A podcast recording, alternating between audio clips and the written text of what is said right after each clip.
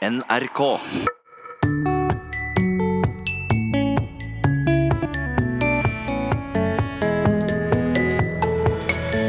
Feiringa er så smått i gang for vårens russ. Men hvor har vi det ordet fra? Det kommer av latin, etter alle solemerker å dømme. Og det er ikke helt lett å vite hvor gammel, eh, gammelt den bruken av ordet er som vi kjenner. Og noen får kanskje hetta av hele russefeiringa. Et artig uttrykk, men hvor kommer det fra? Det at vi bruker det ordet for å snakke om nettopp dette fenomenet, det er nok spesifikt eh, for norsk. Vi snakker om eh, for heebie-jeebies på engelsk. Altså, I amerikansk slang, amerikansk-engelsk slang snakker man get the willies. Så hvert språk har på en måte sine spesifikke varianter. Vel møtt til Språkteigen.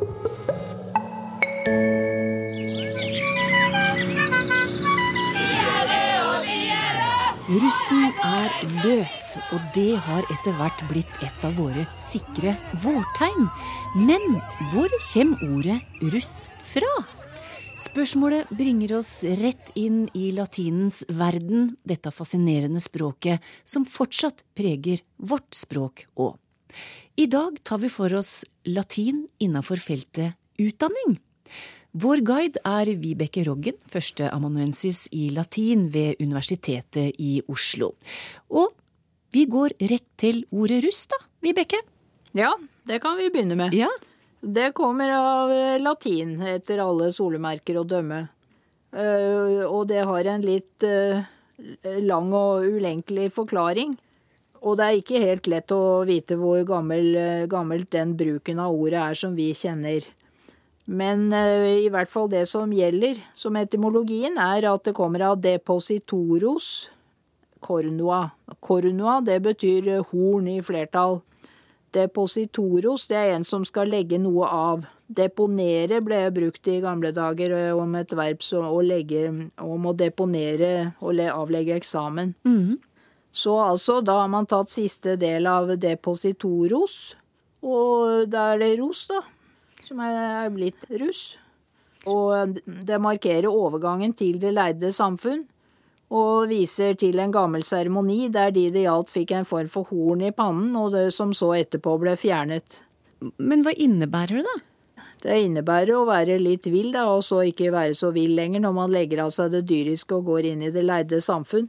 Så lett å rase litt fra seg?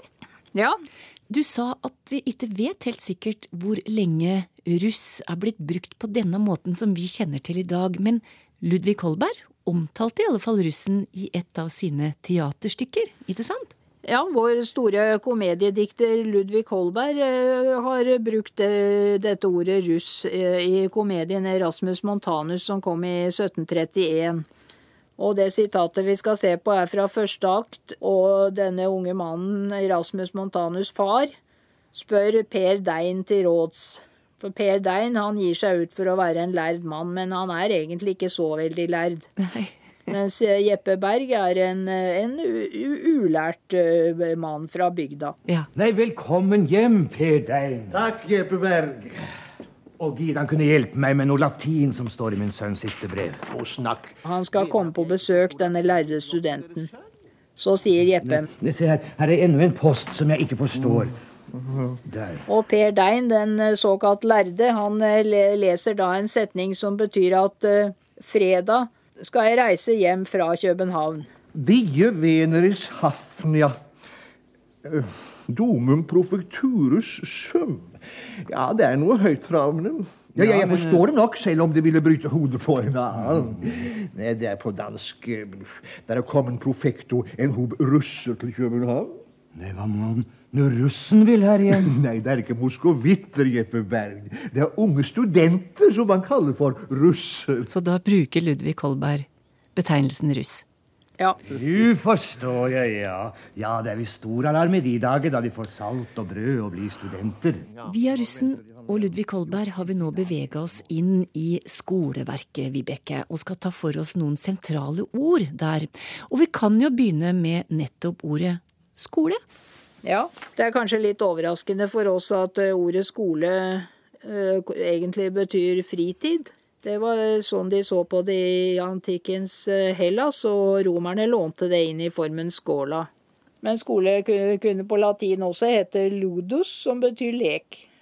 Og Quintilian, den store retorikklæreren i første århundre etter Kristus, han skriver at skolen skulle være som en lek for barnet til å begynne med. Vi har jo da noen eh, fyndord også som gjelder ordet skole. Så et som er motto for mange skoler, bl.a. min gamle skole, Oslo katedralskole, non scolai sed vitai discimus. Vi lærer ikke for skolen, men for livet. Ja. Og da regnes Seneca som opphavsmann for dette. Han levde fra fire før Kristus til 65 etter Kristus. Og, og, det endte litt dårlig med ham, så det får vi også komme inn på. Men, og det er også en hake ved dette sitatet. For han skrev nemlig det motsatte, nokså desillusjonert over eh, samtidens eh, romerske retorikkskoler. I en av sine epistler eh, ga han uttrykk for kritikk, og, og, avslutter da med non vitae sed scolae discimus. Vi lærer ikke for livet, men for skolen. Hmm. Og et, eh, da kan vi jo lure på når er dette blitt omskrevet? Ja. Jeg tror det kan ha skjedd i et uh, tysk litteraturtidsskrift uh, i 1804, for der presenteres en versjon som ikke bare er snudd om, men der verbet er endret også. Non scolae sed vitae discendum est. Man bør lære for livet, ikke for skolen. Og så kan det ha gått videre derfra. Hmm. Men jeg sa det ikke endte godt for Seneca. Han ble mistenkt for å ta del i en sammensvergelse mot keiser Nero. Den pisonske sammensvergelsen. Dette var etter, at, etter Romas brann i år 64. Men med Seneca endte det altså slik at, at keiser Nero tvang Seneca til å ta livet av seg. Og Seneca var, var Neros tidligere veileder og lærer, faktisk. Vi er på plass på skolen og ved skolebenken nærmest, så da kan vi jo kikke på en del titler, som eksempel professor.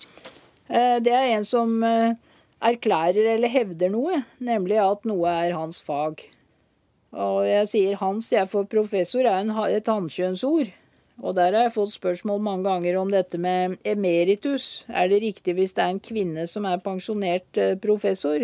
Hva skal hun hete da? Emeritus eller emerita? Ja, der, der, finner man ikke en ideell løsning, egentlig. Men uh, denne typen ord som professor er, de kan ha i, i teorien hunnkjønnsform også, men det var jo dårlig med kvinnelige professorer i antikken, da. Så det ordet har vi jo ikke. Det ville hett profestrix. Men jeg syns nå det blir allikevel mindre forvirrende når man har en korrespondanse med forskjellige land og folk ikke kjenner fornavnet så, og vet om det er en mann eller kvinne, og skriver professor emerita for dem som har den uh, tittelen. Så det anbefaler du? Jeg anbefaler det, ja. Hvis vi tar lektor? Lektor, ja. Det er en som leser. Av verbet legere. Men eh, foran T blir G-en til K. Og det kalles en delvis assimilasjon. Den stemte konsonanten G blir til ustemt K foran den ustemte konsonanten T. Og rektor? Rektor er en som styrer. Den, rektor er jo i slekt med kongen, rex. Og regjeringen, regere og styret. Det må jo være bra. Ja, så det, her har det også vært en tilsvarende lydutvikling, da. Siden regere er blitt til rektor. Og her har du jo òg et suffiks. Ja. Altså, vi har suffikset or. Ja. Det betyr en som gjør noe, og settes til perfektum particip-stammen av ord. Så der har vi veldig mange, faktisk. Ja, som for eksempel ja, jeg kan jo ta eh, elevator, som er en som løfter noe opp. Elevare og løfte opp. Men det har jo ikke så mye med skolen å gjøre. Men hvis vi sier at eleven også skal løftes opp, da nærmer vi oss noe. Det var elev, men vi har òg student. Ja da. Ordet student er, eh, kommer av presens partisip av verbet studere, eh, som heter det samme på latin. Være svært opptatt av, være interessert i noe. Og studium Eh, det heter det samme på latin. Studium. Brennende interesse, iver og flid. Så for meg som, eh, som underviser på universitetet, så er jo dette veldig gledelig. Ja. Og studenter, dem har et pensum å forholde seg til, som de skal lære. Ja. Hva kommer det fra, da? Eh, ja, det, heter pensum på latin også. Det kommer av eh, Det er perfektum partisipp av eh, pendere, som har grunnbetydningen å veie opp noe. Så ordet ble først brukt om en mengde ull som ble veid opp som dagsverk for slavekvinner, og i overført betydning en oppgave. Og det ble dannet da et substantiv av den perfektum participen. Og når du har kommet deg gjennom pensum, da venter eh, eksamen. Og det er et ord som har litt forskjellige betydninger. Utgangspunktet ser ut til å være en sverm av typen bisverm, og så en flokk og en skare. Tungen på en vekt, og da da begynner vi å nærme oss mer det å veie og prøve noen, og granske og prøve. Og det å avveie om, eh, om eksamen er bestått eller ikke, da begynner vi å nærme oss kraftig, ikke sant. Og der har vi også da eksaminand og eksaminator. Der har vi den orr igjen. En som gransker eller prøver. Og eksaminand, eller opprinnelig eksaminandos, hvis det var en mann. En som skal utspørres eller granskes. Et annet ord for ansatte i skolen, det er jo pedagog. Ja, da er vi på det greske. Og bakgrunnen der er eh, et ord for, eh, for barn eller gutt. Pais, med roten paid. Og agein, som betyr å, å eh, lede eller føre. Så pai, da gogos en, eh, en, som leder eller fører barn. Og det kunne være da i antikkens Hellas en slave som skulle føre barnet fra foreldrenes hus til skolen, og gjerne være sammen med dem hele dagen, og også lede dem fram til det voksne livet. Hadde mye med barna å gjøre, altså. Med oppdragelse også. Mm. Så eh, pederast og pedofil har jo da dette første leddet som betyr barn eller gutt med, med et eh, ledd nummer to som betyr eh, å elske, dessverre. Og et eh, annet ord som dessverre forekommer i skolen, det er mobbe? Ja. Det kommer av ordet mobilis, bevegelig. Og bak der igjen verbet movere og bevege, som i engelsk move. Men dette mobilis som vi da har i mobiltelefon og møbel og litt av hvert, det er da utgangspunktet for uh, mobb, ja. En mobb. En uh, mobile vulgos. En bevegelig folkemengde. Mm. Og da en folkemengde som en dårlig leder kunne lede til å gjøre noe galt. Mm. Takk til deg, Vibeke Roggen, førsteamanuensis i latin, for nettopp en liten leksjon i latin.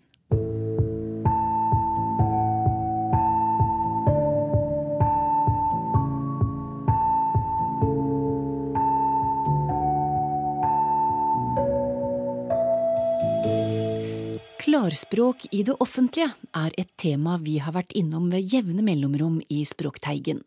Nå er vi der igjen.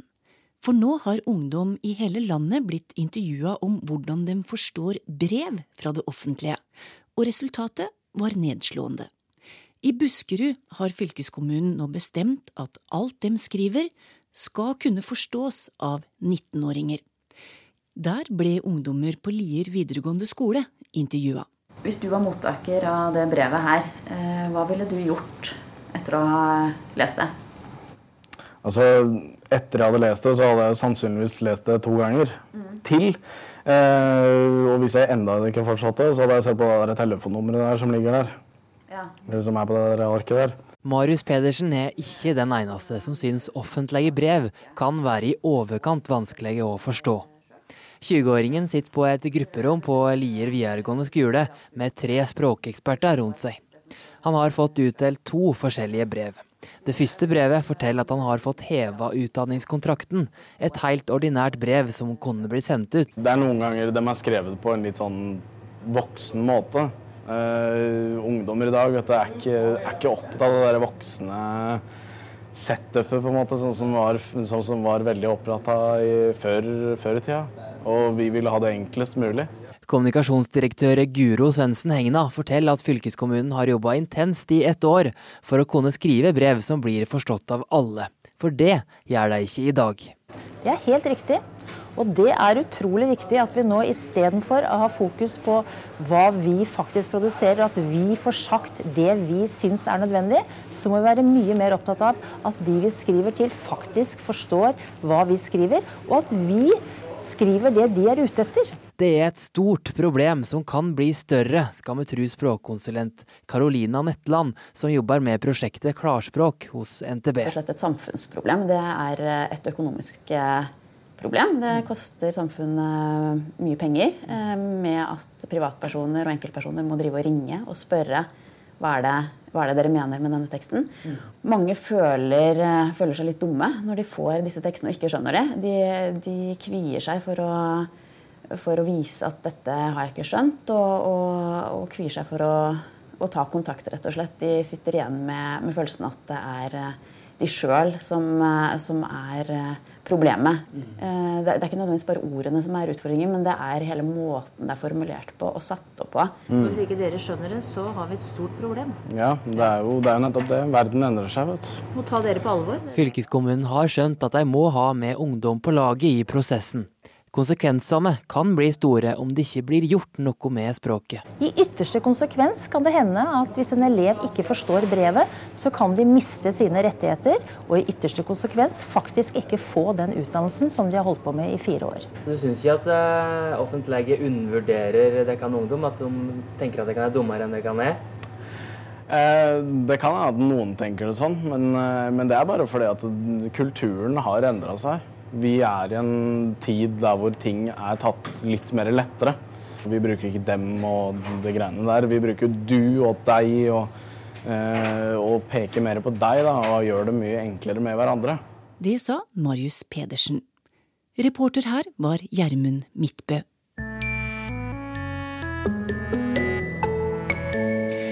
Vi er klare for lytterspørsmål, og det er Yngvild Aas som slipper til først. Hun skriver for ei stund siden sa jeg til sønnen min at jeg fikk hetta av noe, og da begynte vi å undre oss over hvor kommer det uttrykket fra, å få hetta. Yngvild skriver at hun ikke kjenner til lignende uttrykk på tysk eller engelsk. Og jeg overlater spørsmålet til deg, Georg Kjøll, Språkteigens mann på faste uttrykk.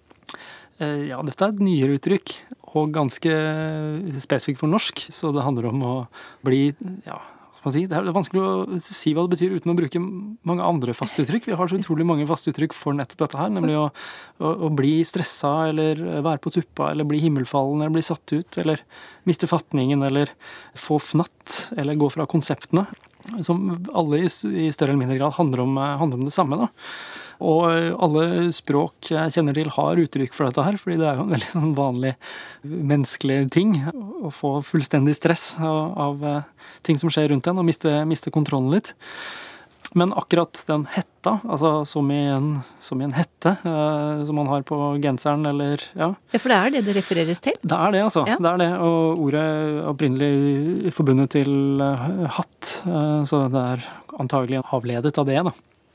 Men eh, det at vi bruker det ordet for å snakke om nettopp dette fenomenet, det er nok spesifikt eh, for norsk. Vi snakker om for heebie-jeebies på engelsk, som er en type type dans, men som gjør at man blir litt sånn uh, skjelven og ja.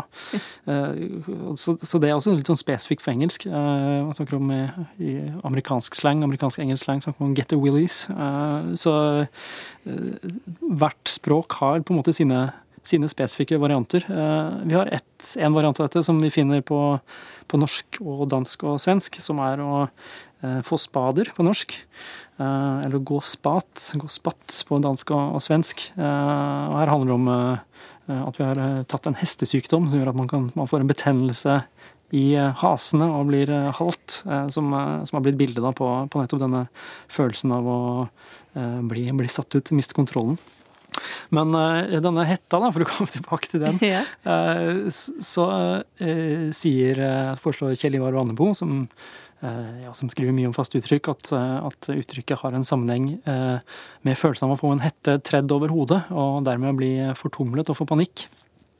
Og jeg ser også i, Når folk har diskutert dette litt ulike steder, så spekulerer de om det handler om henrettelse. At man fikk en hette påtredd før man måtte på skafottet. Mm -hmm. Men andre kilder igjen skulle nok tilsi at dette er, dette er nyere enn en den type henrettelse og bruken av hette der, hvis man, hvis, man, hvis man, snakket om det som hette da. Og de som fulgte med på serien Typisk norsk, husker at det var snakk om jazzsjargong. I en episode. Og da ble det Eh, da ble det snakk om eh, dette her, da, med, med å få hetta som et jazzuttrykk. Så vi kan se i en bok som heter 'Jazz i Norge', som kom i 1975, med intervjuer og historie om, eh, om jazzens framvekst i, i, Norge, så er det et intervju med en swingjazz-nestor som heter Øystein Ringstad. Og han forteller at det er en spesifikk person her, Gordon Franklin, som var en saksonist, som var opphavet til en hel haug av gode historier og uttrykk, mm. som brukte dette først. da. Han ropte til en fyr som satt og rotet rundt i et sånt elektrisk anlegg eller et lydanlegg hvor det kom gnister ut av, som var eh, litt sånn substandard. Eh, og han ble litt nervøs av det, så han ropte at han måtte passe seg så han ikke fikk badehetta.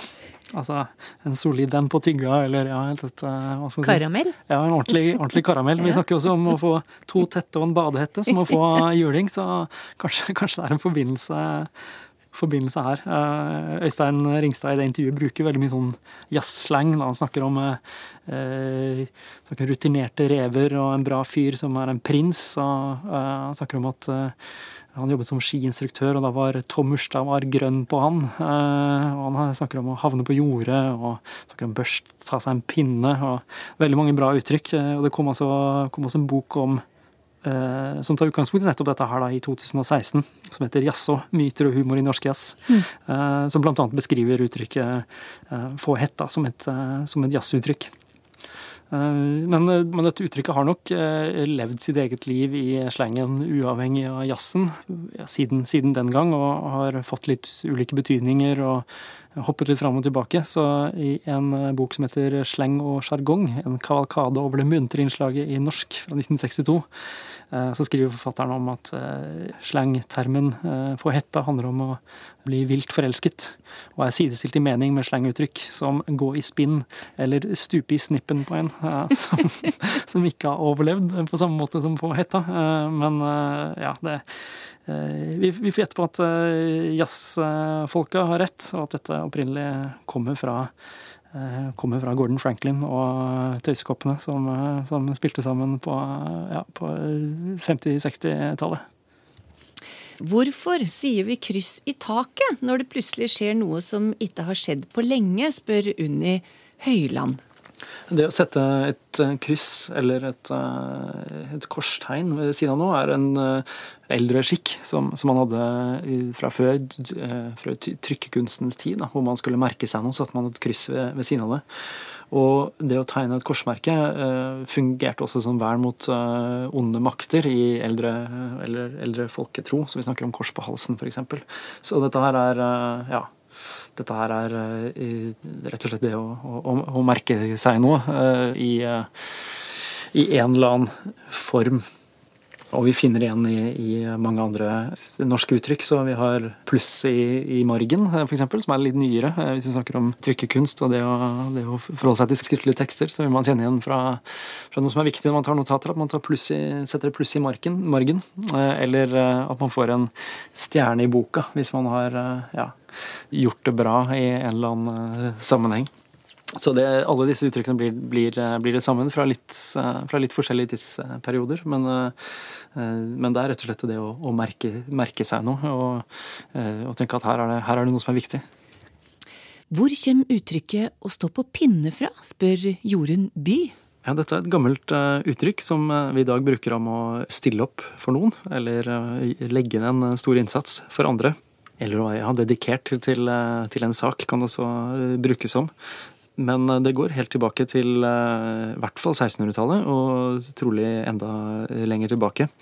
Og vi er litt usikre på, på opphavet, men flere forfattere snakker om at dette handler om den tiden hvor man brukte falker til å jakte med.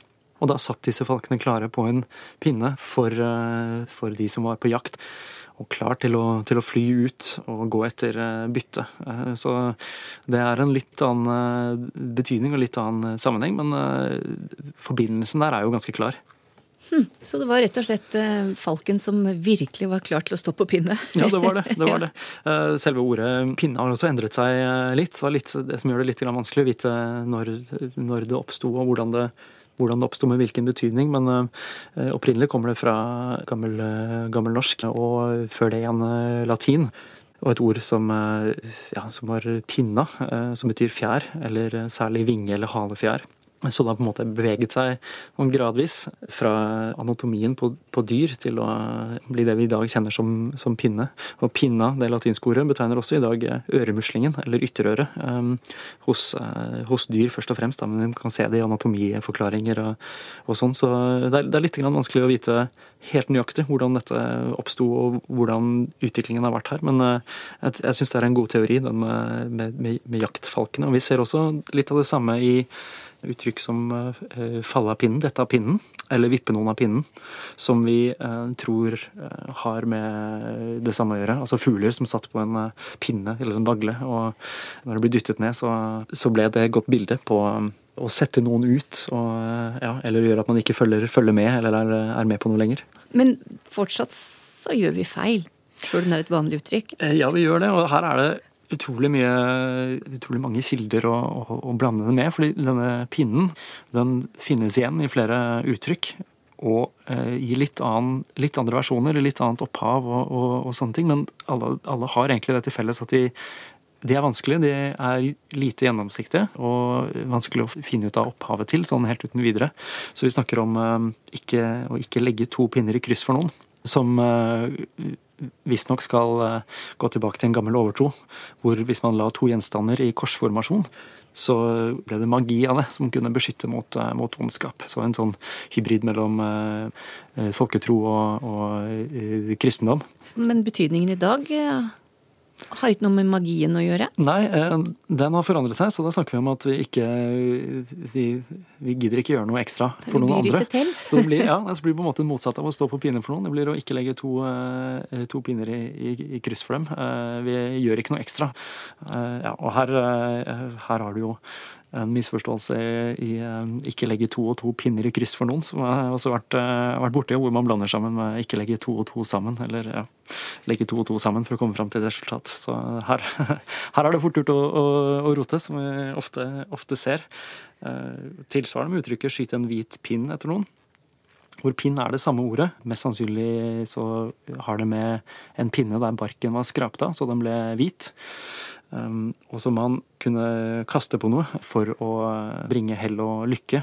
Og uh, selve uttrykket, skyte en hvit pinn etter noe, det kommer fra det å overdra eh, eiendom. Det å skyte, da, i denne sammenhengen. Så hadde man denne hvite, hvite pinnen for å markere at eh, overdragelsen var full, fullbyrdet. Selv om eh, igjen der, så er så er den moderne varianten litt annerledes. Å ikke skyte en hvit pinn etter noe, det er eller uh, å si at du kan skyte en hvit, pinn etter det, handler om at uh, dette, er å, dette, er det bare å, glemme. Ja, ja. Her har vi også uh, igjen altså ser, det, ser det samme mønsteret. Der hvor det er vanskelig å, å, skjønne hva den opprinnelige sammenhengen er, så får vi litt misforståelser. Og da uh, har uttrykket 'det kan du skyte en hvit pil etter' uh, etablert seg. Ja. Og det er det jeg har sett flere diskusjoner og sånn på, på, nettet hvor folk sier at nei, det er jo pil det heter. Altså, hva er det du snakker om? Skyte en hvit pinn? Det jo, gir jo ingen mening. Så mitt tips er at dette blir litt som bøye seg i hatten. At dette er en sånn parallellform som kommer til å feste seg over tid. Takk til deg, lingvist Georg Kjøll. Dette ble siste svar på lytterspørsmål i dag. Men har du spørsmål om ord, uttrykk eller anna i språket, så send det til Teigen, krøllalfa, nrk.no, eller finn Språkteigen på Facebook eller Twitter. Og med det sier jeg takk for i dag.